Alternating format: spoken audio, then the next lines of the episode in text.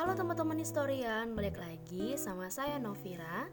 Episode kali ini saya ditemanin sama Joseph. Halo Joseph. Halo Novira.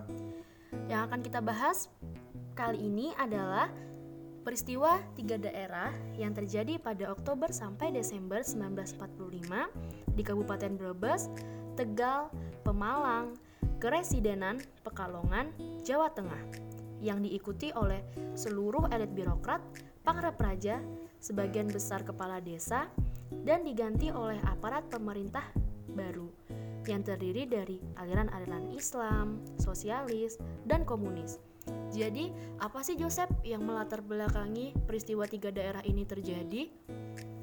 Ya, kalau latar belakang di peristiwa tiga daerah ini berlatar belakangkan sosioekonomi.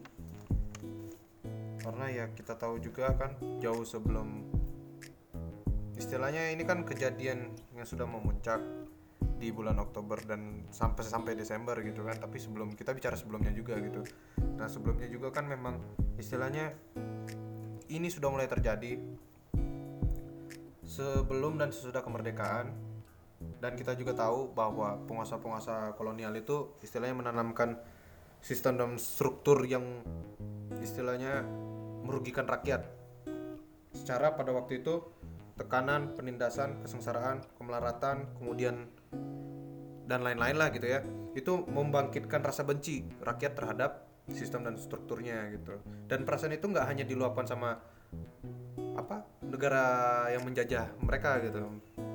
Kayak negara yang menjajah kita lah gitu bukan mereka aja gitu maksudnya kita lah bangsa Indonesia ini nggak hanya kepada pemerintah jajahan gitu tapi sama penguasa lokal juga karena penguasa lokal pada waktu itu istilahnya seperti kaki Berpaling tangannya. ya. iya yang seharusnya penguasa lokal itu berpihak kepada rakyat tapi mereka lebih berpihak kepada pemerintah jajahan gitu ya secara kalau misalnya dipikir-pikir ya mereka juga dapat keuntungan dong gitu istilahnya kalau misalnya mereka jadi kaki tangannya apa Belanda gitu kan kemudian eksploitasi ganda ini terjadi di tiga daerah ini di mana gara-gara eksploitasi ganda ini pergolakan sosial itu bak langsung. Ya, jadi kasusnya sama kayak pemberontakan petani di Banten ya dan istilahnya gejolak ekonomi juga kayak memang sangat mempengaruhi gitu mempengaruhi jalannya peristiwa tiga daerah tersebut. Begitu sih latar belakangnya. Dampak dari struktur itu sendiri pasti sangat mempengaruhi bagi rakyat kecil kan. Jadi apa nih dampaknya? ya jelas sekali ya kalau misalnya kita bicara dampak apalagi tanam paksa atau segala macam kan pasti otomatis ada kebijakan dan itu merugikan rakyat. Benar betul. Dan dampaknya itu kemiskinan kemiskinan. Jelas sekali itu kemiskinan terjadi. Ya kita bicara secara ekonomi lah gitu ya secara finansial gitu. Karena kan yang apa saya bilang tadi eksploitasi itu memang diterapkan khususnya dalam lapangan ekonomi kan dan